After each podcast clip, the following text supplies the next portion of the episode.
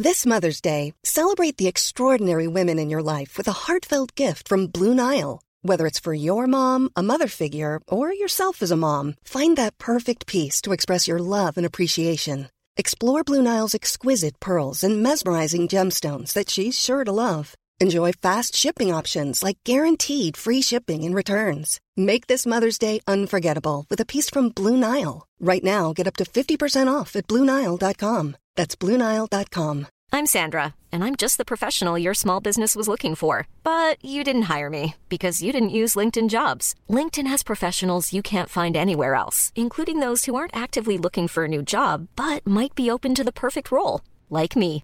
In a given month, over 70% of LinkedIn users don't visit other leading job sites. So if you're not looking on LinkedIn, you'll miss out on great candidates like Sandra. Start hiring professionals like a professional. Post your free job on linkedin.com/people slash people today. A lot can happen in the next three years. Like a chatbot may be your new best friend. But what won't change? Needing health insurance. United Healthcare Tri Term Medical Plans are available for these changing times. Underwritten by Golden Rule Insurance Company, they offer budget friendly, flexible coverage for people who are in between jobs or missed open enrollment. The plans last nearly three years in some states, with access to a nationwide network of doctors and hospitals. So, for whatever tomorrow brings, United Healthcare Tri Term Medical Plans may be for you. Learn more at uh1.com. Palmemordet. Mer om vapnet.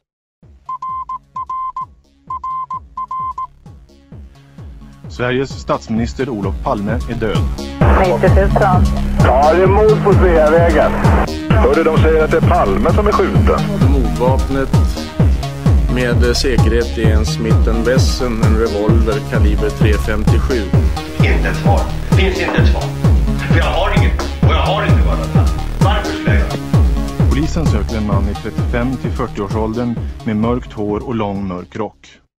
Välkomna till podden Palmemordet som idag görs av mig, Tobias Henriksson på PRS Media. Om du vill se till att vi kan komma ut med ett stort antal avsnitt framöver och också lägga den tid som behövs på research och intervjuer så går det bra att sponsra oss på patreon.com palmemordet. Det är alltså patreon.com palmemordet. Där donerar du en summa som podden får per publicerat avsnitt. Blir det inget avsnitt dras inga pengar. Men som jag tidigare sagt, vi har passerat 200 avsnitt med råge utan ett enda uppehåll. Som sponsor på Patreon blir du också inbjuden till vår årliga Palmevandring som går av stapeln den 28 februari. Till årets vandring, alltså 2020, är alla platser nu bokade. Men se till att sponsra för att ha en möjlighet att delta nästa år. Innan vi sätter igång ska jag berätta att vi numera har Acast som plattform för podden. Det innebär att vi har möjlighet att visa bilder i Acasts app samtidigt som ni lyssnar. Och det innebär också andra ekonomiska möjligheter för podden tack vare reklamintäkter. Just nu har den reklamsnutt som spelas mitt i programmet lagts just där, mitt i. Vi kommer efterhand att flytta på dessa så att de inte bryter av mitt i en mening eller på annat sätt stör historien. Det här är ett arbete som kommer att ta lite tid, men ha tålamod så kommer ni snart att kunna lyssna på samtliga program igen utan avbrott på fel ställen. I många avsnitt har Dan och jag diskuterat vad vi med säkerhet vet om Palmemordet. Och egentligen går det att sammanfatta ganska enkelt på någon minut. För trots 34 års utredning är det, i alla fall för oss i allmänheten, mycket som är oklart eller obekräftat. En generös uppskattning säger oss att vi har tillgång till ungefär 2-3% av materialet i utredningen. Och självklart är det väldigt svårt att komma med någon exakt teori eller slutsats utifrån det.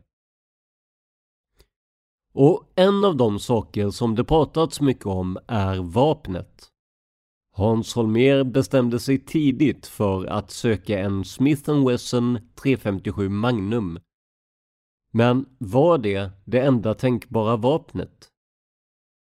Vi kommer i dagens avsnitt att titta på vad bland andra granskningskommissionen, Hans Holmér själv och den granskande journalisten Lars Borgnäs har att säga i ämnet. Vi börjar med granskningskommissionens avsnitt om kulorna och vapnet. En del av detta nämndes i avsnitt 4, men med tanke på dagens ämne är det viktigt för historien att ta med detta igen. Så här säger man om kulorna och vapnet. Citat. De upphittade kulorna. Den ena kulan upphittades på morgonen dagen efter mordet på Sveavägens västra sida, det vill säga på den motsatta sidan i förhållande till mordplatsen. Den andra upphittades ytterligare en dag senare vid lunchtid på samma sida som mordplatsen. Fyndplatserna var belägna cirka 40 respektive cirka 5 meter från mordplatsen. Ingen av kulorna upphittades av polisen. Uppgifterna om hur och var de upphittades har lämnats av de personer som överlämnat dem till polisen. Kulorna har kunnat härledas till tillverkaren. De är av fabrikatet Winchester Western 357 Magnum. De är av så kallad metal piercing typ vilket innebär att de har en kopparmantel kring blykärnans främre del. Ammunitionen kallas därför ibland metallbrytande. Kulorna har tillverkats ur samma blysats, eller batch. Satsen kan ha omfattat flera hundratusen patroner som sålts i många länder. De upphittade kulorna har med hjälp av en blyisotopisk undersökning med hög grad av sannolikhet kunnat bindas till de blyfragment de avskjutna kulorna avsatte i Olof och Lisbet Palmes kläder. Resonemanget bygger bland annat på att de blyrester som återfunnits i makarna Palmes kläder jämförts med de upphittade kulornas blysammansättning. Kulor som hör till samma tillverkningssats har en nära nog identisk isotopsammansättning. Blyresterna i kläderna och de upphittade kulorna visar stor överensstämmelse men avviker med jämförelseprov från andra kulor. Slutsatsen av detta är att de avskjutna kulorna kommer från samma tillverkningssats som de upphittade. Inom brottsutredningen har man beräknat att leverantören vid den svenska generalagenten levererat knappt 6000 patroner av det aktuella slaget och ur den tillverkningssats som de upphittade kulorna härrör från.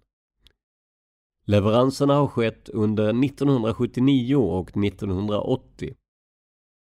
Kulorna är i för undersökningsändamål ganska dåligt skick de har kunnat användas för jämförande undersökningar av vilken vapentyp de utskjutits ur. De kan vidare användas för att vid jämförelse eller provskjutning utesluta många vapen, som mordvapnet. Men de skulle antagligen inte med säkerhet kunna bindas till ett mordvapen. Med andra ord är det möjligt att rätt vapen inte kan bindas till mordet med hjälp av kulorna. Granskningskommissionen fortsätter och pratar om vapnet.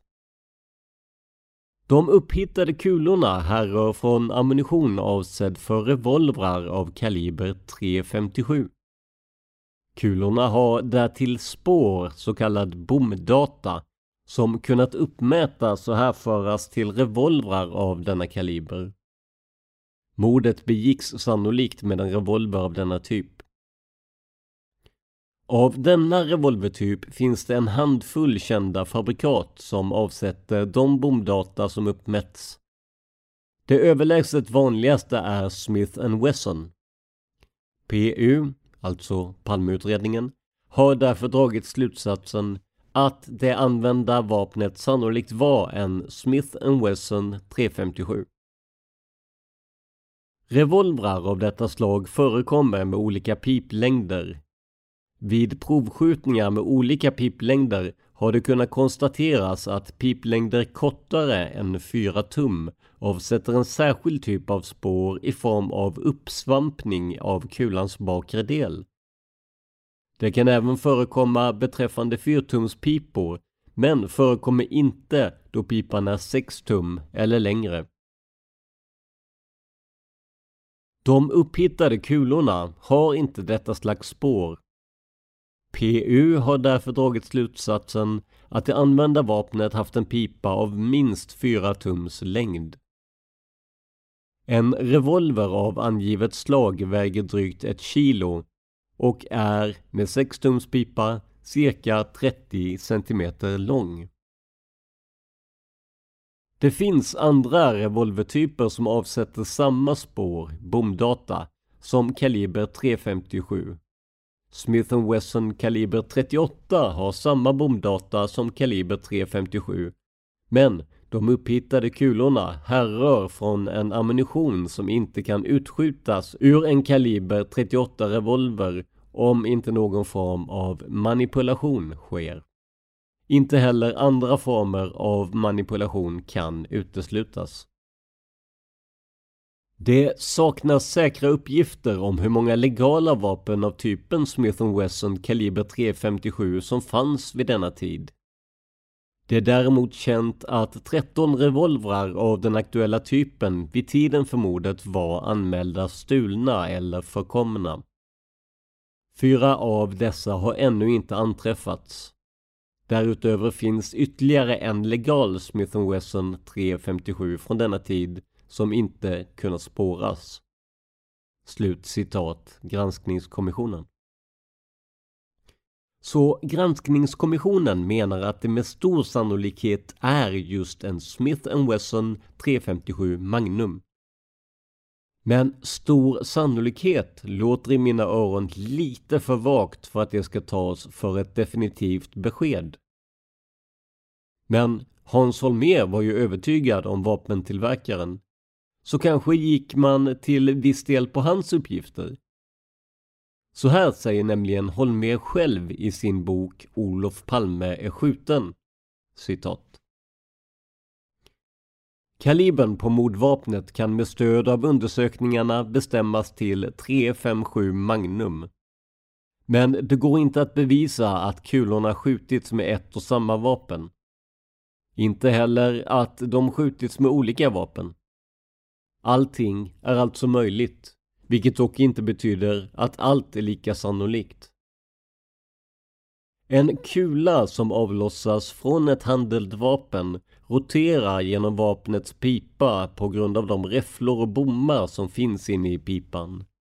Därvid avsätter bommarna märken som kan iakttas och mätas på kulkroppen. Antalet sådana bommar varierar något mellan olika typer av vapen. Av en kulas kaliber och av märken efter bommar kan vissa slutsatser dras beträffande vilken typ av vapen som använts. Efter undersökning av kulorna från Sveavägen formulerar sig de inblandade experterna något olika i denna fråga. Från SKL i Linköping uttalas att citat erhållna bomdata överensstämmer med motsvarande data för revolver av märkena Smith Wesson, Ruger, Taurus och Kastner med reservation för uttal där. Slut citat från SKL. Vi fortsätter citera Hans mer. FBI i Washington säger att det är frågan om en revolver av kaliber .357 Magnum och av fabrikat Smith Wesson eller Ruger. BKA i Wiesbaden menar för det första att det är uteslutet att pistol eller gevär använts och för det andra att revolvrar med de fastställda systemkännetecknen övervägande är av fabrikat Smith Wesson och att andra typer av revolver som kan vara aktuella men som är mindre vanligt förekommande är Storm Ruger, USA och Liama, Escudin och Ruby, de tre sistnämnda av spansk tillverkning. När det gäller mordvapnet kan vi utesluta pistoler och gevär. Det finns några revolvrar att välja bland, men experterna är överens om att det mesta talar för att mordvapnet är en Smith Wesson kaliber .357 Magnum. Det blir också spaningsledningens slutliga ståndpunkt. Slut citat från Hans Holmér. Längre fram i samma bok får vi också reda på hur de olika testerna utfördes och vad man där kom fram till. För att få en inblick i hur detta gick till, förutsatt att Hans Holmér minns rätt, tar vi med den delen också. Citat. Vid undersökning av Olof Palmes kläder hos BKA påvisas bly i området vid kulans ingångsöppning i en koncentration som tyder på att det dödande skottet avlossats på nära håll. På laboratoriet i Wiesbaden provskjuter teknikerna med Winchester-ammunition på olika avstånd mot Olof Palmes överrock med en revolver av typ Smith Wesson 357 Magnum som har en längd på pipans lopp av 7,7 cm. En jämförelse mellan det dödande skottets blybild och provskottens utvisar att det förra avlossats från ett avstånd av omkring 20 cm. Slutsatsen förutsätter att mordvapnet är av samma fabrikat som vapnet som används vid provskjutningen och att de båda vapnen har ungefär lika långa pipor. På grund av den osäkerhet som råder i dessa avseenden är det nödvändigt att ta till en viss felmarginal. Skottavståndet anges därför till mellan 10 och 30 cm. På motsvarande sätt beräknas att skottet mot Lisbeth Palme avlossats på 70 till 100 cm håll. Försvarets forskningsanstalt, FOA, gör vissa prov ute vid Grindsjön i Grödinge. Med en Smith Wesson kaliber .357 Magnum som har en piplängd av 104 mm skjuter ingenjörerna med Winchester-ammunition dels mot rena betongplattor, dels mot isbelagda plattor som med några skott också är täckta med stampad fuktig snö och sand. Vid anslag mot bar stenplatta deformeras projektilen mycket kraftigt och ett tydligt rikoschettmärke uppkommer. Vid rikoschett mot isbelagd stenplatta blir deformationen avsevärt mindre även vid de tunnaste isskikten och en kula är i princip helt oskadad efter anslag mot tjockare skikt. Vid studs mot sand bemängd snö uppstår typiska skrap och islagsmärken på projektilens frontparti. Slut citat. Så i sammanfattning menar alltså Hans Holmér att det mesta talar för en 357 Magnum som mordvapen. Det här var också det som tidningarna fick sig till livs, som ni hört i serien Mordet i Media.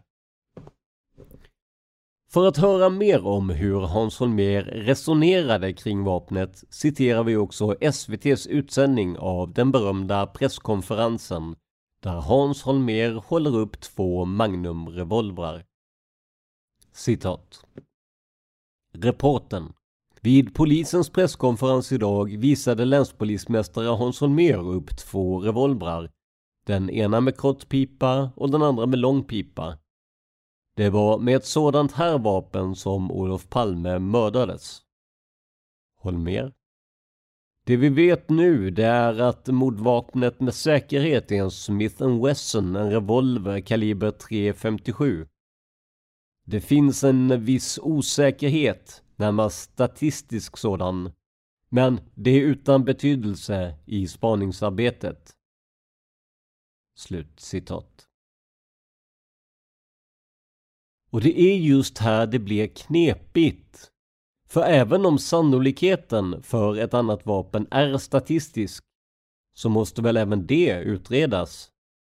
Det tyckte bland andra vår tidigare gäst i podden Lars Borgnäs som granskade det här uppslaget i SVT's Striptease 1995. Det hör ni efter det här.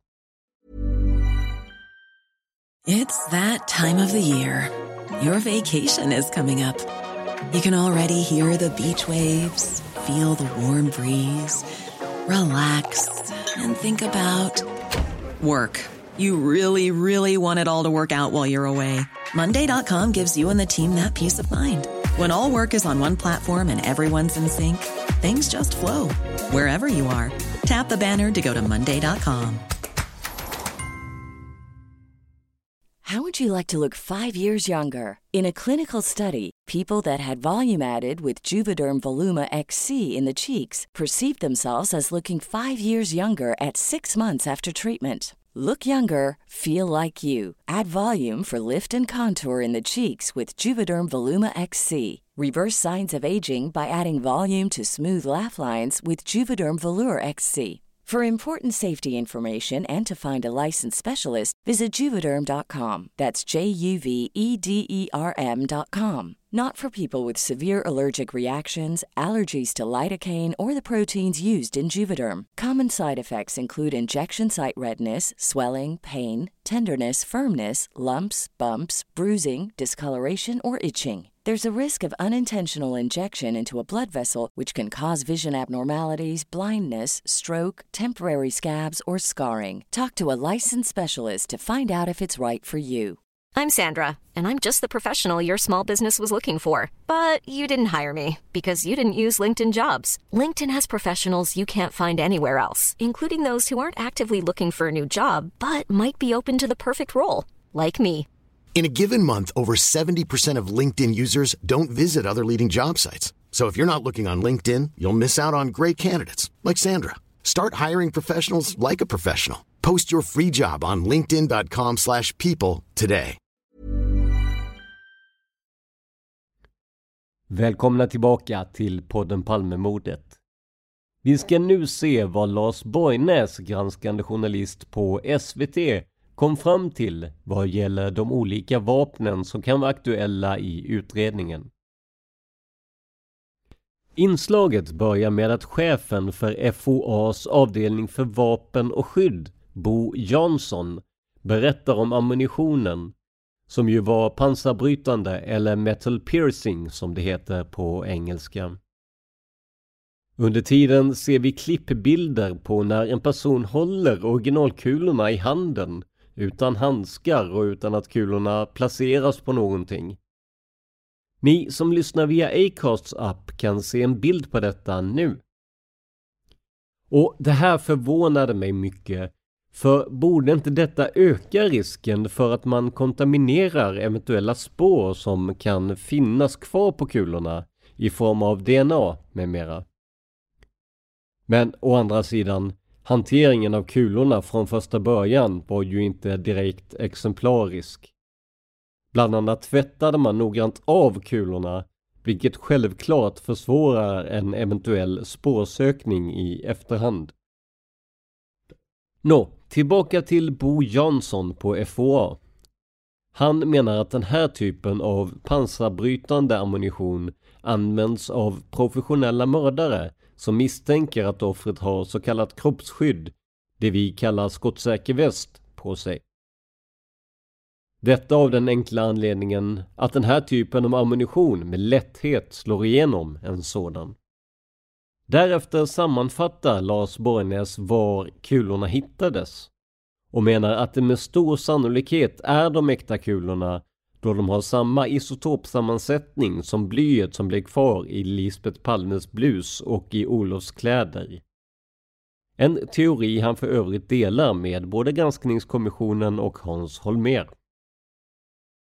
När reportaget av Lars Borgnäs spelades in var det nio år sedan mordet och följaktligen nio år sedan man bestämde sig för att fokusera på en 357 Magnum.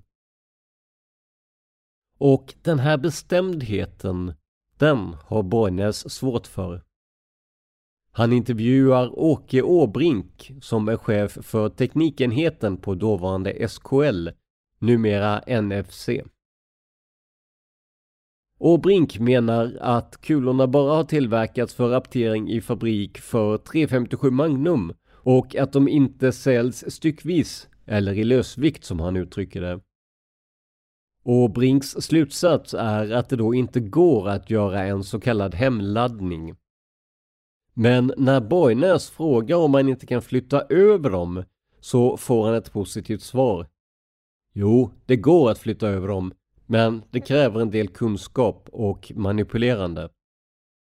Lars Borgnäs nöjer sig inte med detta, sin mana trogen, utan vänder sig till Magnus Uvnäs på Vidfors vapenhandel.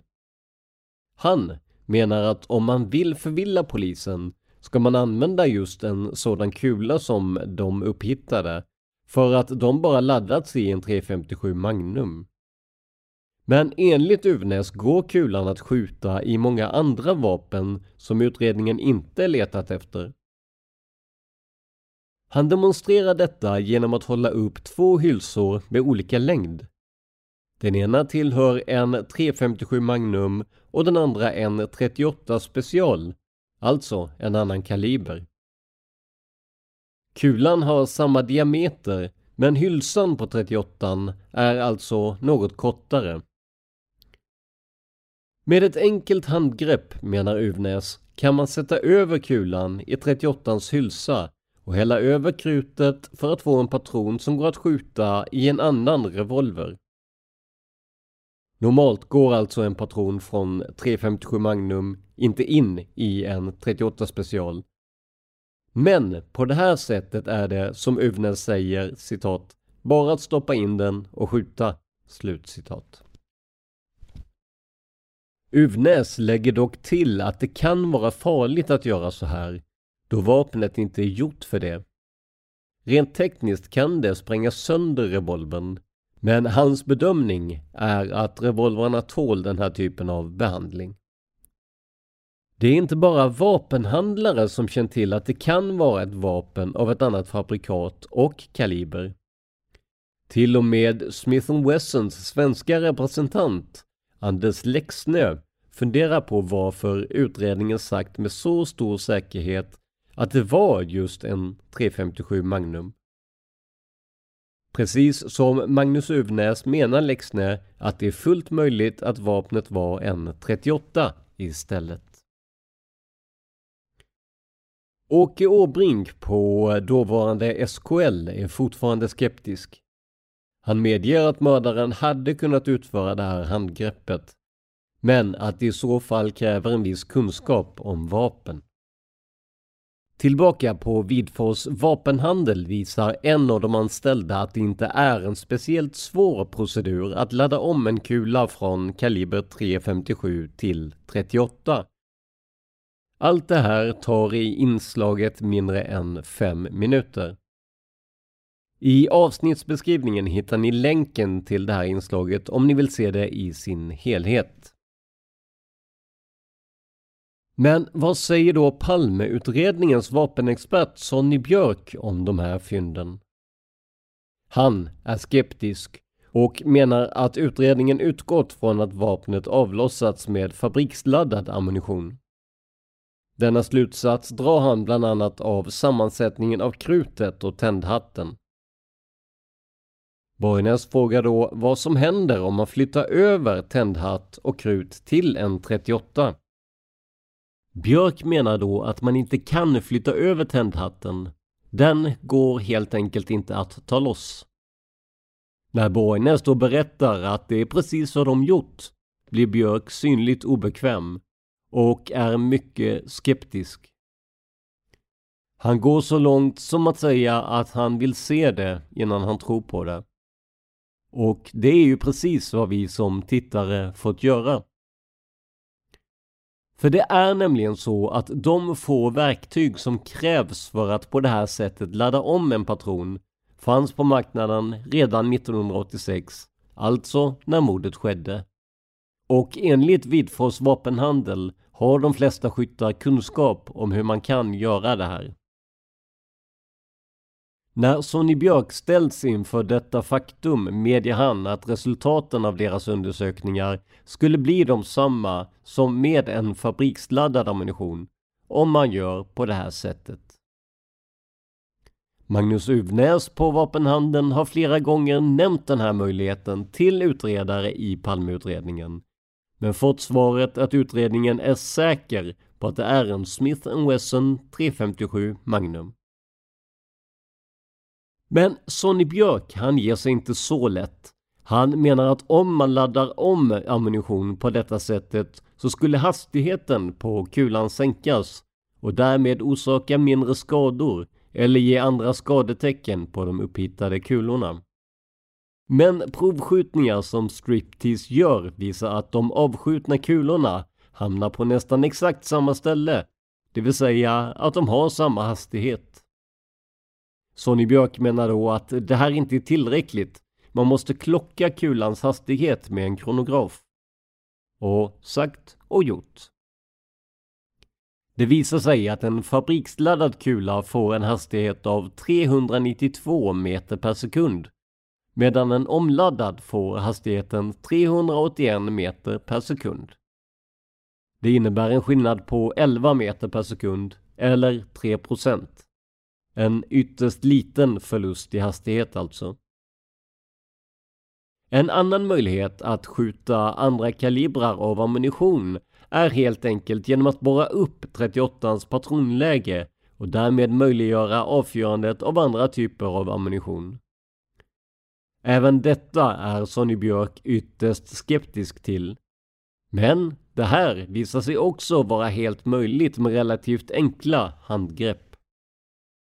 Så i det här och flera andra program visar alltså Striptease att det är möjligt att vapnet inte var en 357 Magnum. Man visar också att både SKL och Palmeutredningens egna vapenexpert menar att det som i vapenkretsar är relativt välkänt skulle vara omöjligt att genomföra. Det gav vid den här tiden en allt annat än positiv bild av de experter som framträdde. Men historien om vapnet slutar inte där. Inte på långa vägar. Som exempel kan vi nämna historien om den så kallade Mockfjärdsrevolvern. Den köptes legalt i Luleå av en privatperson från Haparanda tillsammans med 91 patroner av märket Metal Piercing från tillverkaren Winchester Western. Vapnet stals sedan vid ett inbrott i september 1983 och tros ha använts vid ett postrån i Mockfjärd i Dalarna i oktober samma år. Vid det här rånet avlossades även en kula. Revolvern tros också ha använts vid ett bankrån i Småland. En analys av den kula som avfyrades vid rånet i Mockfjärd visar att blyisotopsammansättningen var densamma som hos de båda kulorna som hittades på Sveavägen efter mordet på Olof Palme. Alltså ska de vara tillverkade vid ett och samma tillfälle i samma så kallade batch. Revolven återfanns i november 2006 under privata dykningar i Djursjön norr om Mockfjärd efter ett tips till tidningen Expressen. Ålänningen Christian Holmén på just Expressen kontaktade två åländska dykare som redan efter tre timmar hittade vapnet som varit så eftersökt i 20 år. Revolvern överlämnades till polisen den 20 november 2006 för vidare tester. De här testerna gav dock inget entydigt resultat då pipan var i för dåligt skick för att kunna knytas till de kulor som hittades på Sveavägen. Enligt uppgifter till polisen slängdes revolvern i Djursjön i oktober 1983 och därför är den numera ifrågasatt om vapnet verkligen kan ha använts vid mordet på statsministern den 28 februari 1986. Ett annat vapen som tidvis varit intressant i utredningen är den så kallade Suxdorf-revolvern. Det här är en revolver av typen Smith Wesson modell 28 Highway Patrolman med 6 tums pipa. Man vet att det har en kolv av trä med en infilad skåra i. Den 17 december 1977 stals vapnet hemma hos filmaren Arne Suckstorff i Stockholm och såldes några dagar efter inbrottet för 2000 kronor på krogen Old Bowler. Den person som stal vapnet var en vän till knarkhandlaren Sigge Cedergren. Cedergren avslöjade senare på sin dödsbädd att han lånat ut ett vapen av samma typ till Christer Pettersson två månader innan Palme mördades. Vapnet förvaras på en hemlig plats av en virkeshandlare som har krävt 500 000 kronor för att överlämna vapnet till polisen. Denne hävdar att han hittade vapnet i en sjö när han fiskade och att han sedan sålde vapnet till Cedergren. År 1988 bad Cedergren att virkeshandlaren åter skulle ta hand om vapnet för att tillfälligt gömma det inför en ny försäljning, som dock aldrig blev av. 2010 var vapnet fortfarande inte testat av polisen och därmed varken bekräftat eller uteslutet som mordvapen i Palmemordet. För att få en djupare inblick i det här vapnet och dess färd bland Stockholms kriminella citerar vi Aftonbladet från den 24 november 2006 med en uppdatering i mars 2011. Citat. Rubrik Vapnet vandrade från hand till hand. Ingress Här är vapnet som stals hemma hos den legendariske regissören Arne Suckstorff Vapnet som misstänks vara det som Olof Palme mördades med. En 51-årig kriminellt belastad man har berättat för polisen hur vapnet vandrat från hand till hand. Slutingress. En som ägde vapnet var en känd knarkhandlare som bland annat gjorde affärer med Sigge Cedergren. Efter mordet på Olof Palme försvann revolvern. Ny rubrik Vän till Cedergren. Den 17 december 1977 stal en känd yrkesförbrytare revolvern hemma hos Arne Suxdorf.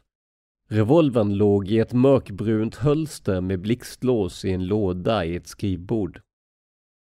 Mannen som stal revolvern var en gammal kompis till Sigge Cedergren, säger källan som har insyn i Palmeutredningen. Yrkesförbrytaren sålde vapnet och all ammunition för 2000 kronor på restaurang Old Bowler bara några dagar efter inbrottet hos Suckstaff. Ny rubrik tecknade av hölstret.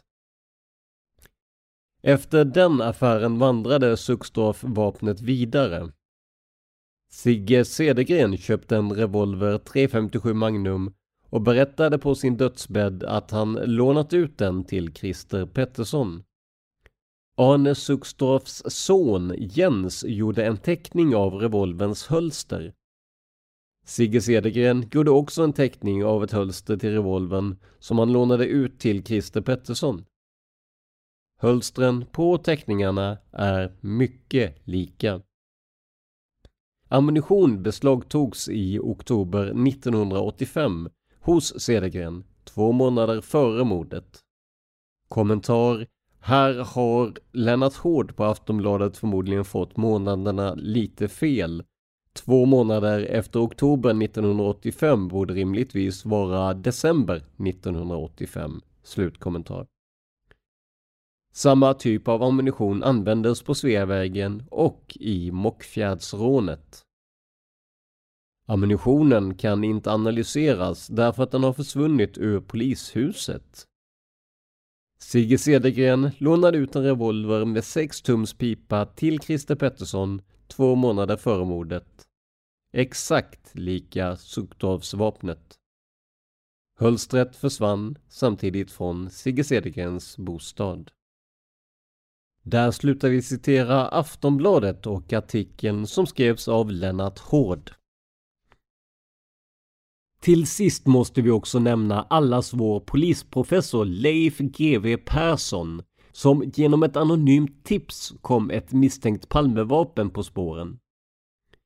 I Veckans brott i SVT berättar han att vapnet lämnades över till honom för undersökning, för säkerhets skull under polisbevakning. Hela historien började med att GV fick en avlossad kula i ett anonymt brev. Kulan skickades på analys och den visade att kulan var från ett vapen av samma typ och kaliber som det som användes för att skjuta Olof Palme. Efter en efterlysning i Veckans brott och egen spaning från professorns sida kunde han till slut komma i kontakt med källan som skickat brevet. Och då också komma överens om att vapnet kunde få testas. NFC kom fram till att det fanns överensstämmelse mellan de kulor som användes vid mordet och den kula som Leif GW Persson kommit över. Snabbt började en viss optimism sprida sig bland kännare såväl som allmänhet. Kan detta vara en avgörande pusselbit till att lösa mordet? Men om något låter för bra för att vara sant så är det oftast det. Aftonbladet rapporterade den 20 januari 2016 att det vapen som lämnats in kunde uteslutas som mordvapen. Allt enligt analyser från NFC. Nationellt forensiskt centrum har en skala från plus 4 som innebär att resultatet extremt starkt talar för den uppställda hypotesen. Det vill säga att vapnet var det som användes vid mordet. I slutet av samma skala hittar vi minus 4 som innebär att det talar extremt starkt för att det inte är det aktuella vapnet. På den här skalan hamnade NFC på minus 1 vilket enligt dem själva ska tolkas som att resultatet i någon mån talar för att den inlämnade revolvern inte är Palmevapnet. Så även om det inte var solklart så talar det mesta för att Palmevapnet inte är hittat. Och jakten på det går såklart vidare. Både från polisens, medias och privata aktörers sida. För att hitta vapnet skulle kunna vara en viktig del i att få veta mer om mordet. Glöm inte att gå in på facebook.com palmemordet och skriva vad ni tycker om dagens avsnitt. Där kan ni också diskutera med likasinnade samt få information om kommande avsnitt och event. Vi finns också på patreon.com palmemordet där du kan donera en summa som podden får per publicerat avsnitt. Detta hjälper oss att fortsätta granska och rapportera om händelserna. Så stort tack för ert stöd! Det här var veckans avsnitt av podden Palmemordet som gjordes av mig, Tobias Henriksson på PRS Media.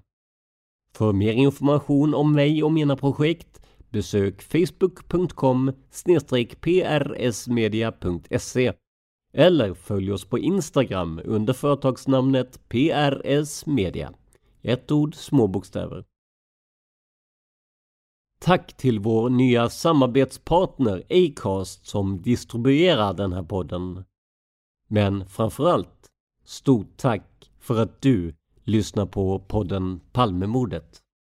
Man hittar Palmes mördare om man följer PKK-spåret till botten. Därför att ända sedan Julius Caesars tid har aldrig hört talas om ett mord på en framstående politiker som inte haft politiska skäl. Polisens och åklagarens teori var att han ensam hade skjutit Olof Palme. Och det ledde också till rättegång. Men han frikändes i hovrätten. Nu ska vi ut på rövarstråt. Ja, vi ska ut och röva. Cool fact a crocodile can't stick out its tongue. Also, you can get health insurance for a month or just under a year in some states. United Healthcare short term insurance plans, underwritten by Golden Rule Insurance Company, offer flexible, budget friendly coverage for you. Learn more at uh1.com. A lot can happen in the next three years. Like a chatbot may be your new best friend. But what won't change? Needing health insurance. United Healthcare Tri Term Medical Plans are available for these changing times.